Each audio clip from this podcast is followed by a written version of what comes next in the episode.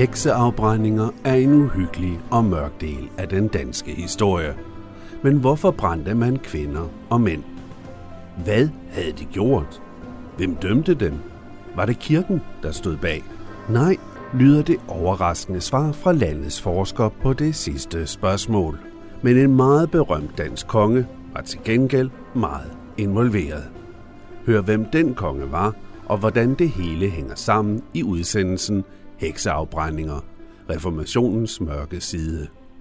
Udsendelsen er en del af vores historiske serie i fodsporet på Luther, hvor vi ser nærmere på reformationens mange konsekvenser.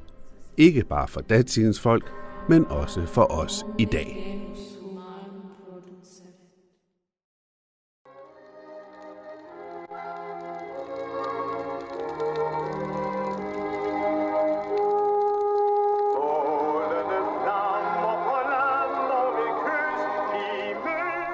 En rigtig gammel filmklassiker, Nesbygårds Arving, med selveste Paul Rickard som pastor Pip. Det er Sankt Hans. Børnene danser om et flammende bål. Midsommerfest. En ægte hedensk skik. I bålet er der ingen heksedukke. Det var nok for barsk for datidens filmfolk. I dag er der normalt en heks i Sankt Hans bål, oftest proppet med heksehyl, som her i Forborg.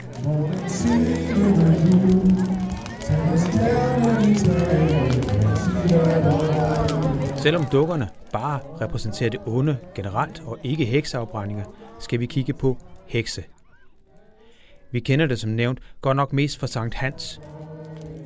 En i Danmark hyggelig fest, mens det i Sverige er en fest, hvor der ofte bliver drukket igennem. Ligesom vores julefrokoster. Så de fleste i Skandinavien forbinder hekseafbrændinger med Sankt Hans og noget hyggeligt og måske lige frem sjovt. Men prøv at forestille dig en rigtig hekseafbrænding. Prøv at se det for dig. En kvinde bliver ført igennem hob af mennesker, der mødte op. I bar tæer tripper hun afsted. Hun bliver ført op til en stak af træ, bundet fast til en stige. Kan du se hende for dig? Og hopen af mennesker omkring. Hvordan er hun mon endt der? Det skal vi høre om i udsendelsen her. Vi skal høre om hende, du nu ser for dit indre blik, og alle andre, der blev brændt på bålet. Det var oftest kvinder, der blev brændt, men ikke kun. Hvem var de? Hvem sendte dem på bålet? Hvad havde de gjort?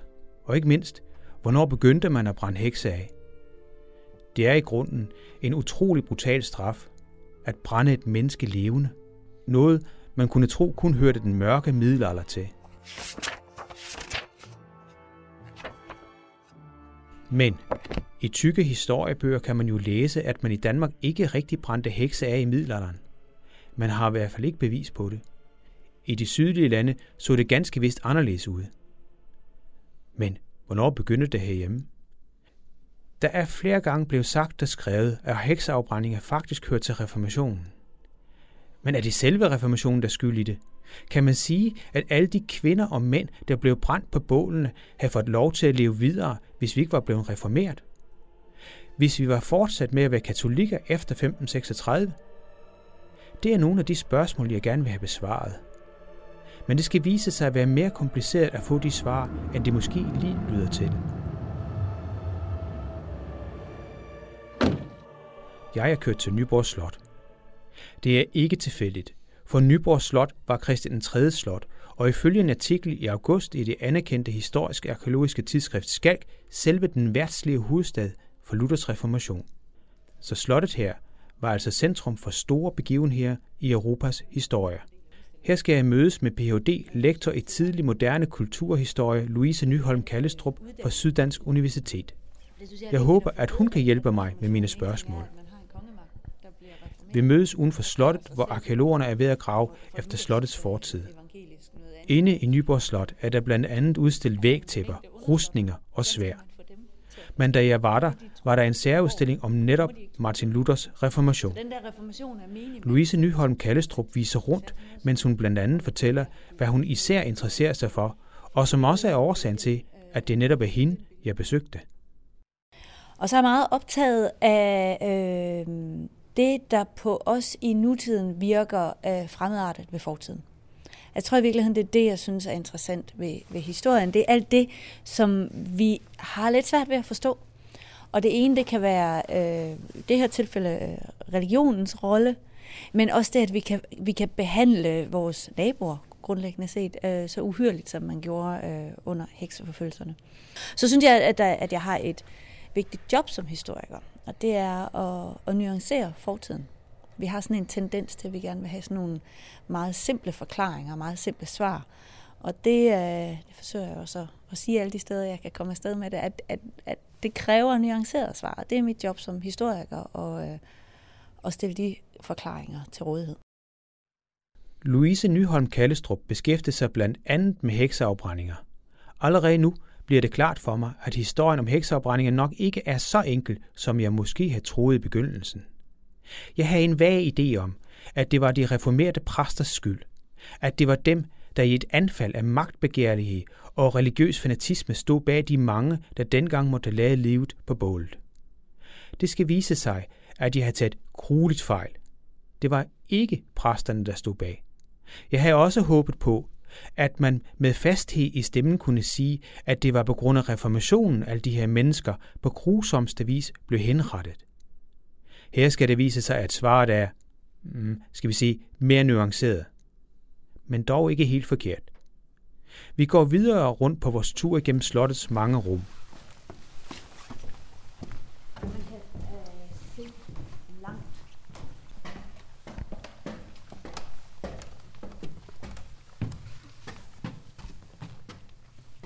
Udstillede genstande fortæller om tiden omkring reformationen, som for danskerne betød, at vi holdt op med at være katolikker og blev evangelister, som de kaldte sig dengang.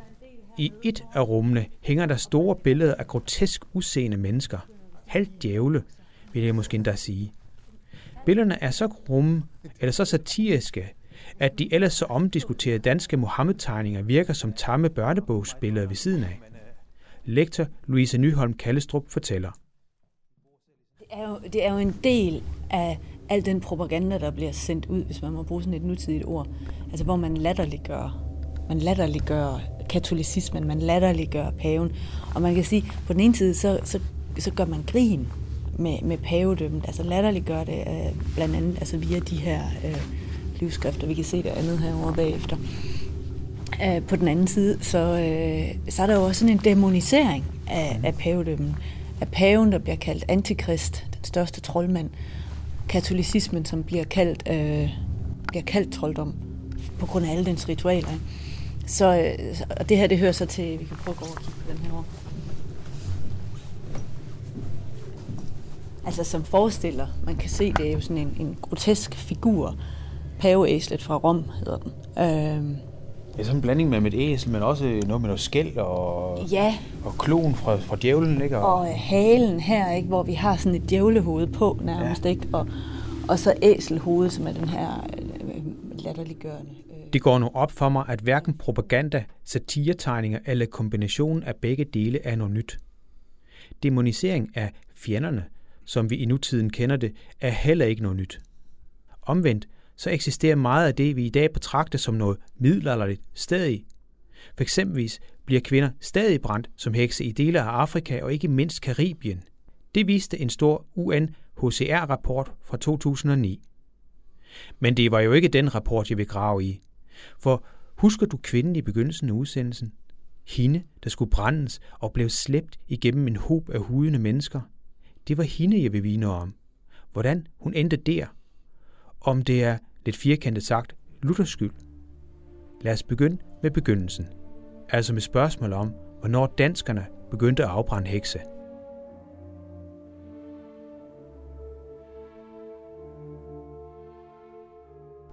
Jeg tror, man skal tænke det her som noget, der øh, det ligger og ulmer. Og, øh, og så får vi den her lovgivning øh, i 1617, hvor man, hvor man altså, simpelthen dikterer, at man skal forfølge alle øh, øh, man kender til, som måtte bruge trolddom. Og så eksploderer det. Og, øh, og så får vi faktisk i løbet af de næste 5-6 år 60 procent af alle de øh, processer, som føres i Danmark, de føres i den meget korte periode. Og det, det spreder sig nærmest som en, øh, jamen man, næsten farlig billede af sin steppebrand og, og sådan lidt morbidt. Men, øh, men det går stærkt, og, øh, og det, det breder sig især i Jylland.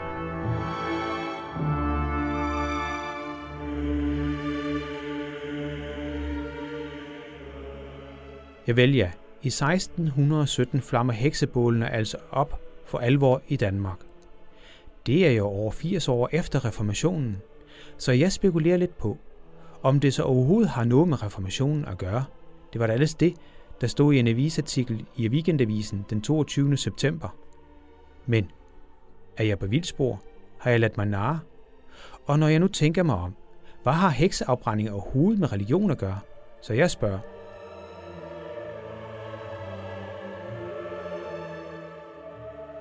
øh, når jeg sådan kigger i Bibelen, jeg har lidt svært med at forstå det, fordi jeg synes ikke umiddelbart, jeg kan se stening i den gamle Mose-lovgivning, men jeg kan ikke se noget mere om nogen, der skal brændes. Altså, hvor, hvor, hvor dukker den der tanke op øh, hen, at man skal bagbrænde nogen?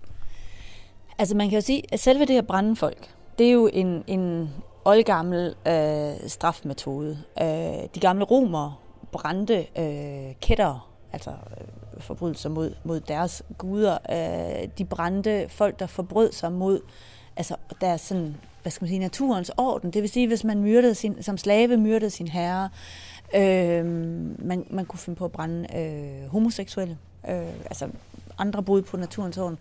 Så det der med nogle særligt uhyrlige øh, forbrydelser.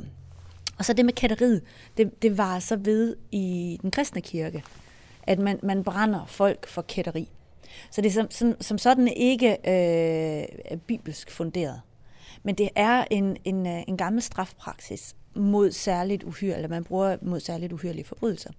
Og tanken med at brænde en kætter er, at han må ikke øh, efterlade sig noget jordisk. Altså man skal have ham udryddet fuldstændig, og det gør man så ved at forbrænde, eller brænde ham til, øhm, til, altså så bliver han til aske. Og så kan man sige, hvorfor brænder man så øh, hekse eller troldfolk, som vi gerne vil kalde dem i Danmark? Jamen det gør man, fordi at øh, det med trolddom, det er, en, det er jo sådan en, en, en underlig øh, øh hybrid forbrydelse. Fordi på den ene side, så er det en, en forbrydelse mod øh, kirken eller mod troen. Man har, man, man har jo en idé om, de her de har forbundet sig med djævlen, eller indgået en pagt med djævlen. På den anden side, så er det jo så også øh, der, hvor man har forvoldt skade. Altså man har gjort en ko syg, eller slået et barn ihjel, eller noget af den stil. Ikke? Så, så det er så egentlig den, den religiøse del af det, som, som er fundamentet for, øh, for at brænde troldfolkene. Det, der så bare er interessant, det er, det er jo typisk de steder, hvor det ikke er kirken, der står for, for forfølgelsen af troldfolk, at man brænder dem. Men det er jo så sådan lidt et, et, et paradoks. Altså i den katolske kirke i øh, 1500-tallet, der synes man, det her det er en meget voldsom måde at henrette folk på. Så der, øh, der hænger man dem først. Øh, hvor i, i Danmark, protestantiske Danmark, der brænder vi dem levende.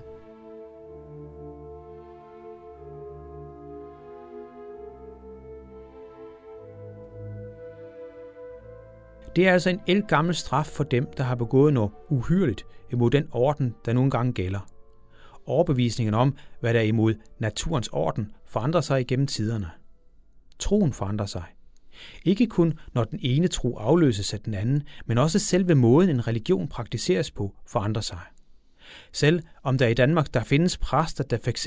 ikke vil vige fraskilte eller homoseksuelle, så er det stadig langt til den kristendom, der f.eks.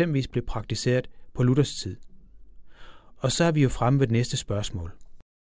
Ja, nu vi er ved protestantismen, øh, vi vender lige tilbage det her med, at det ikke var kirken faktisk, der stod bag ved mig af det her. Øh, så vil jeg godt lige have sådan lidt præciseret, fordi jeg har forstået, at det her med at brænde hekse det var noget, der i hvert fald helt bestemt hørte protestantismen til. Altså det er ligesom om, de blomster op åbenbart. Men jeg har lige forstået, at det også var før, vi var protestantiske, vi også brændte hekse af. Så hvad er sammenhængen mellem protestantismen øh, og, og, og hekseafbrænding? Altså jeg tror i virkeligheden, man skal starte lidt andet sted. Fordi det der med at, at, at få en, altså, den forestilling om, at heksen har indgået en pagt med djævlen, det er ikke sådan en, man har fra begyndelsen, hvis vi skal sige, at begyndelsen er et eller andet sted omkring 300 eller sådan noget.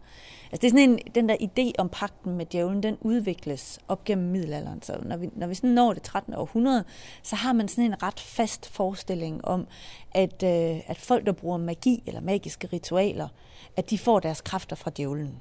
Så der har man etableret det der sådan øh, eksplicite link mellem djævlen og magikeren. Så sker der det i løbet af 1400-tallet, at man, man udvikler forestillingen, eller vi kan se, at, at, at forestillingen om, at det er øh, troldfolk, altså folk, der bruger det eksplicit til at skade, øh, at, at den ser vi hyppigere og hyppigere i løbet af 1400-tallet. Og det er også her, hvor ideen om, at, at troldfolkene de samler, eller heksene samles til sabbaten, og de flyver afsted på en kust. Det er sådan en, en forestilling, man, man udvikler i løbet af 1400-tallet, eller som vi ser i 1400-tallet.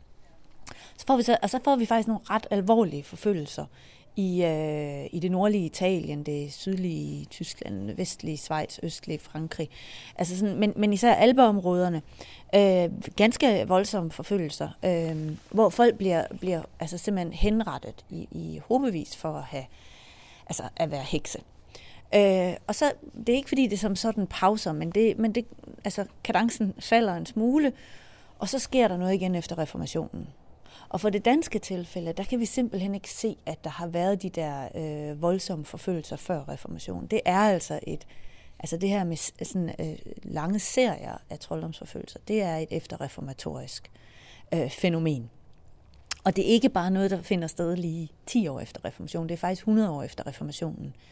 Øh, og skal nok i virkeligheden ses som et led i i det, man måske kunne kalde den, den anden reformation. Altså der, hvor man fejrer det lutherske øh, 100-års jubilæum.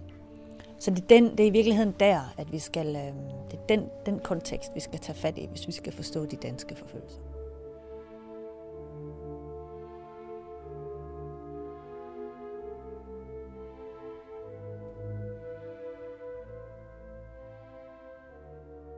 Så svaret på mit spørgsmål er altså ikke helt så enkelt. Syd for vores grænser brændte man altså både hekser og kætter på bål i middelalderen, men åbenbart ikke herhjemme. Det får mig til at tænke på Frankrigs nuværende nationalheldinde Jeanne d'Arc. Hun blev i middelalderen brændt på bål for kætteri i byen Rouen. What have you done? Oh God, what have you done? What I confessed. Lyden her stammer fra den prisbelønnede film af samme navn, som blandt andet havde Dustin Hoffman i en hovedrolle.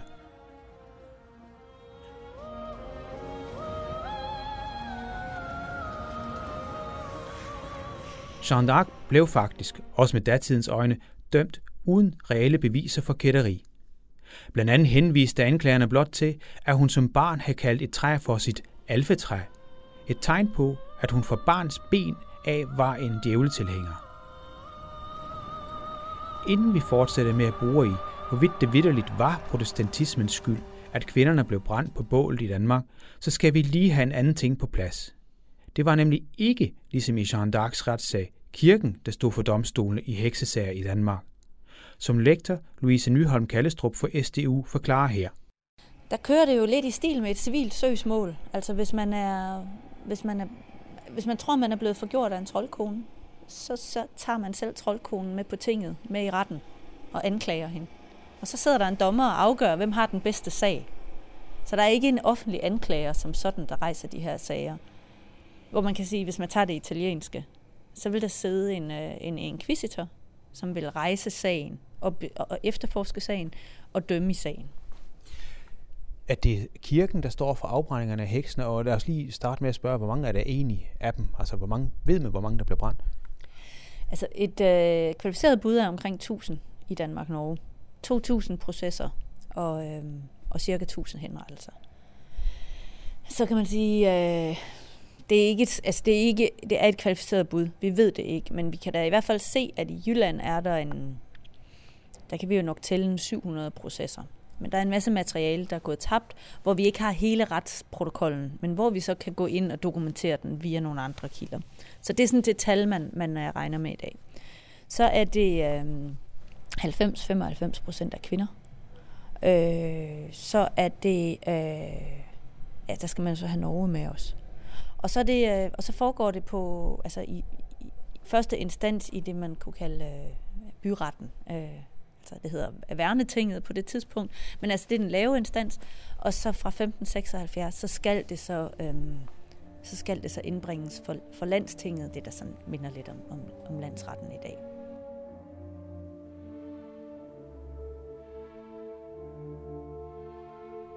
Vi hører altså om retsinstanser. Lidt ligesom i dag, tænker jeg, og så alligevel. Men hun nævnte ikke et ord om præster eller kirker, så jeg spørger. Det var så ikke kirken, der står bag så? Nej, ja, det er nemlig ikke kirken, der står bag. Det er faktisk i det danske materiale, og det er jo også det er jo enormt interessant. Og så er vi tilbage altså, i, at hvad synes jeg er interessant ved historie? Jeg synes, det er interessant, hvordan mennesker opfører sig over for hinanden i bestemte sammenhæng. Og øh, i det danske materiale, der er det jo øh, almindeligvis menigmand mod menigmand. Så det er naboer, der anklager hinanden.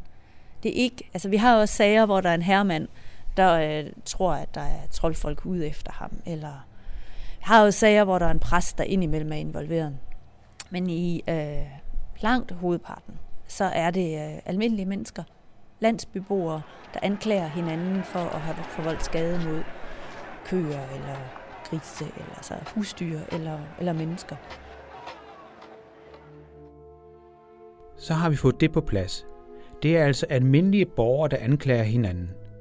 Så begynder et retsmaskineri, som enten dømmer eller frikender den anklagede.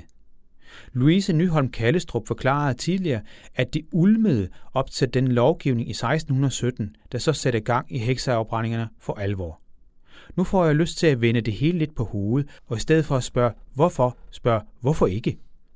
Hvorfor ikke afbrænding af såkaldte troldfolk lige efter reformationen? Det skyldes ifølge historikeren en konge, som helst vil undgå for mig ballade. Vi tager tilbage til tiden efter 1559 der har vi en dansk konge, som bare gerne vil undgå at blive viklet ind i det der. Han vil gerne have ro, Frederik den anden, øh, i det danske rige. Og Frederik den anden, han dør i 1588, og så kommer Christian den 4. til.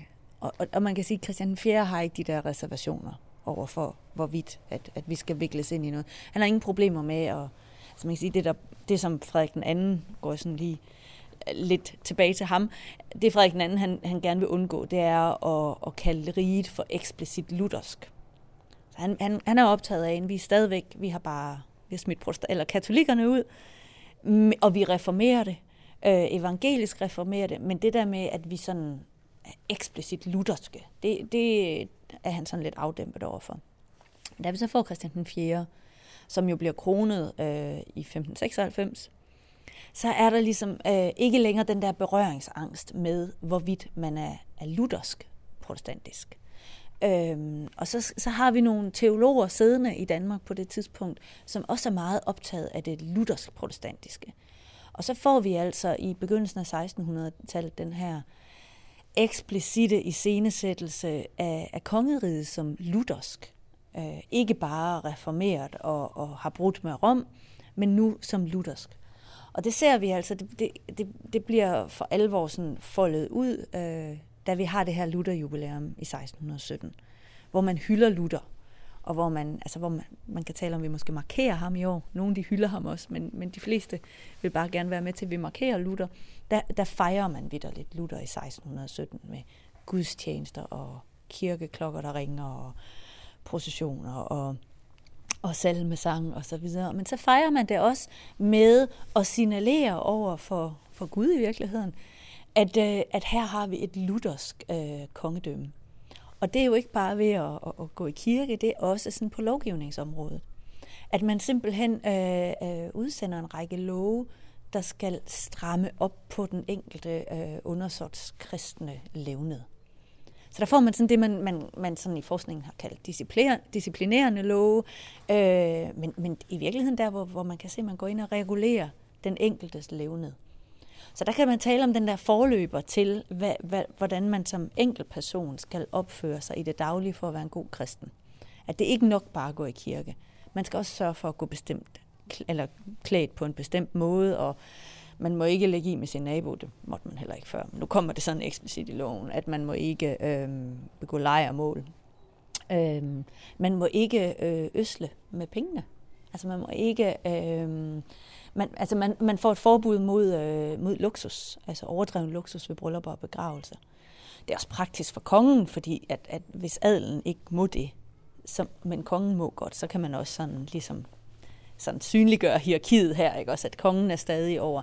Men, og, og så får man den her forordning om trolddom, hvor man forbyder alle former for trolddom, inklusiv den her øh, helbredende magi, som vi kalder den. Så, så det er i virkeligheden, altså øh, de første årtier af 1600-tallet, der ser vi sådan det, vi kalder den sådan med et lidt negativt lavet ord, den lutherske ortodoksi. Og den bliver jo så øh, altså der, hvor vi skal have den der religiøse ensartethed og ensretning øh, for alle i hele riget. Så for mig at se, der er det, øh, og det, altså, der, der er det noget, der øh, er sådan andet led i reformationen. Første led, det er her, hvor vi tager afstand fra det, som, altså dem vi har smidt ud, katolikkerne. Øh, og så, så falder det sådan lidt til ro. Okay, fint. Næste led, der skal vi så for alvor have, have reformeret befolkningen. Øhm, og der, det foregår altså på en, øh, det har man jo selvfølgelig forsøgt os op mod 1600, ikke? men nu får vi lige pludselig en, øh, en fyrstemagt, der er meget overbevist øh, luthersk.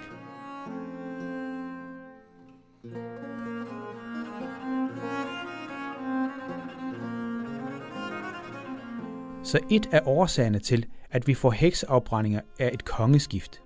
Selveste Christian 4. Jeg tænker lidt på alle de bygninger, han byggede, som stadig står den dag i dag, f.eks. det runde tårn eller Rosenborg Slot i København. Så hvis kongerne har betydning for hekseafbrændingerne, så bliver jeg nødt til at spørge lektor Louise Nyholm Kallestrup fra SDU det her, mens lyden af en slåmaskine trænger igennem Nyborgs Slots meter tykke mure. Kan man så overhovedet tale om, at der er en sammenhæng midt imellem at være protestantisk i virkeligheden? Fordi det, det får mig til at føle som om, at det er jo bare en historisk udvikling mere end det er noget andet. Altså er der en sammenhæng mellem at være lutheraner og de hekseafbrændinger, der er der? Øhm, jamen det er et godt spørgsmål. Altså man kan jo i hvert fald sige, at Luther, han er jo, han er jo ikke for hekse. Men det er der jo ikke nogen, der er. Øh, jeg tror heller ikke, man skal se det som... Altså Luther har jo nogle ret vilde udsagn om om troldfolk og heks. Man har altså også nogle vilde udsagn om jøder og muslimer og kvinder bare. Altså, Luther var vild, ikke også? Øhm, og, og Luther var jo heller ikke... Øh, altså, han var ikke gennemsnitlig på nogen måder, men på den anden side var han også et produkt af sin tid. Øh, og så kan man sige, at der så en sammenhæng mellem at være protestant og, og forfølge hekse. Og der tror jeg, det er vigtigt ikke at, at løsrive religionen fra den, altså den historiske kontekst. Fordi på det her tidspunkt, der kan man ikke... Øhm, altså, der religion og politik, det er vævet ind i hinanden.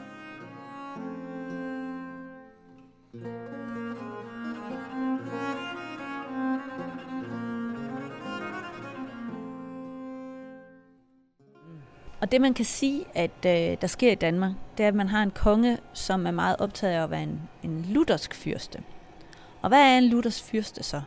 Jamen Luthers fyrste, han har sin magt øh, fra Gud. Eller på, altså han sidder der øh, på Guds nåde. Og øh, mod at få lov at være konge, så, skal han, så har han så ansvar for at beskytte øh, religionen eller kirken. Og han har et ansvar for at, øh, at forfølge dem, der forbryder sig mod, mod religionen eller mod kirken. Oven i det, så, øh, så skal man tænke det som, at øh, man har en Gud, der er, måske nok er, er noget i Gud, men han er også den straffende Gud. Så han bliver vred, hvis der er, at der er nogen, øh, hvis han bliver provokeret. Og, og hvis, han, hvis Gud bliver vred, så straffer han kollektivt. Så, øh, så man skal sådan se et rationale som, at det, det er kongens pligt at sikre, at alle undersåtter i, i riget, i et luthersk rige, øh, rent faktisk øh, tror og praktiserer troen rigtigt. Fordi hvis han, ikke, øh, hvis han ikke lever op til det ansvar, så straffer Gud kollektivt med krig, med sult, med sygdom. Øhm, og det ser man jo masser af hele tiden. Ikke? Og hvis man tolker det ind i, om det er Guds straf, det her. Nå, det må være, fordi vi ikke tror nok. Det må være, fordi de ikke tror rigtigt nok. De, det er for meget, der er for meget synd i samfundet. Jamen, så må vi sørge for at, øh, at lovgive noget mere og stramme op på den kristne moral. Så det er den der, øh, det, altså der, hvor jeg ser sammenhængen i det danske, det er, at altså det er, at vi har en magthaver, der rent faktisk øh, gerne vil iscenesætte sig selv som en Luthers konge. Og med de her forpligtelser, der så følger med der. Og en af de forpligtelser, det er jo så at forfølge troldfolk. Fordi troldfolk er særligt vredesprovokerende på Gud. Hvorfor er de det? Fordi de, har, øh, de er gået over på den anden side. De har allieret sig med djævlen. Hvem er djævlen? Djævlen han er Guds arveste modstander. Ikke? Så det er sådan den her idé om, at de, de er gået over til fjenden, og derfor skal de forfølges. Fordi en, igen, ellers er vi over i det her med, ellers så straffer Gud kollektivt.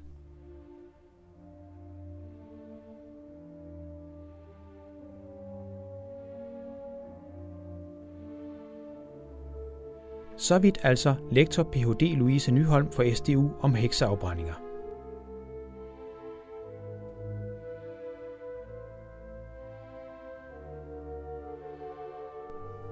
Kan du huske kvinden i begyndelsen af indslaget? Hende, du skulle forestille dig, som blev ført op på bålet. Kan du se hende for dig i dit indre blik igen? Kan du se det? Hun ligger deroppe på bålet, spændt fast på en slags stige.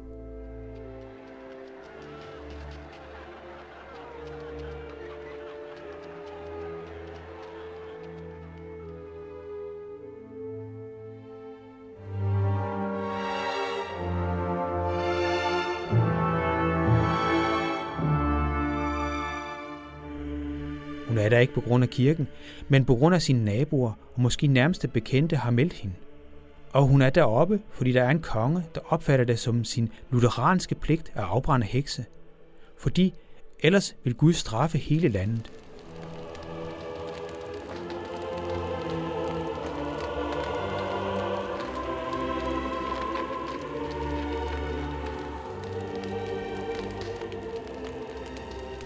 Men hun kan faktisk ikke hekse, så vi kan også sige, at hun er uskyldig.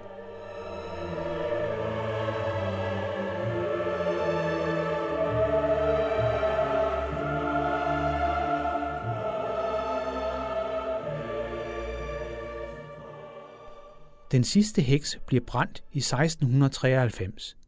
Siden da er det kun dukker på Sankt Hans bål, der bliver brændt af. I hvert fald i Danmark.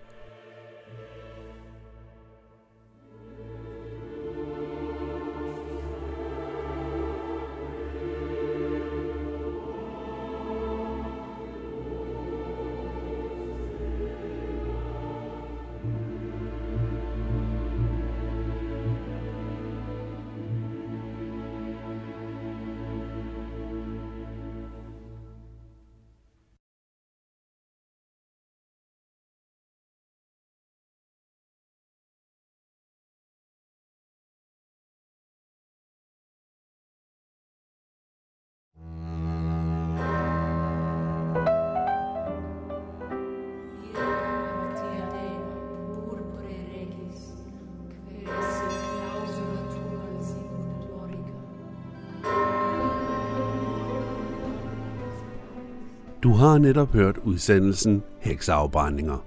Reformationens mørke side. Medvirkende var lektor Ph.D. Louise Nyholm fra Syddansk Universitet. Journalisten bag udsendelsen hedder Jan Simmen. Det er Radio Mælkebøtten, der har produceret indslaget. Udsendelsen er en del af en serie, som ser på konsekvenserne af reformationen og lader de førende forskere komme til ord.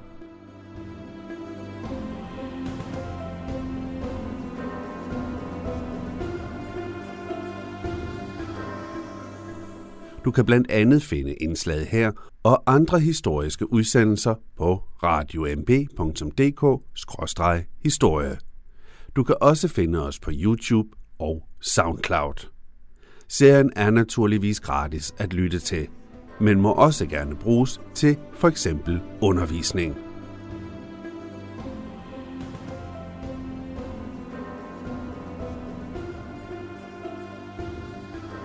På vores hjemmeside kan du for eksempel høre en podcast om trykkerkunsten, som er internetrevolutionens forgænger. Det lyder måske lidt tørt som papiret i en avis, men prøv at tænke over, hvordan verden ville se ud uden de mange bøger, aviser og tryksager. Hvis der nu kun fandtes håndskrevne religiøse bøger, som kun de allerrigeste havde råd til. Vi kan afsløre, at både læsefærdighederne hos europæerne og demokratiet nok ikke havde udviklet sig, som det gjorde, uden netop den opfindelse. På hjemmesiden kan du også finde en historie om velfærdsstatens og folkestyrets rødder. Vi tager lige webadressen en gang til. Det var radiomb.dk-historie. Udsendelsen her og resten af serien har fået støtte fra Folketingets reformationspulje.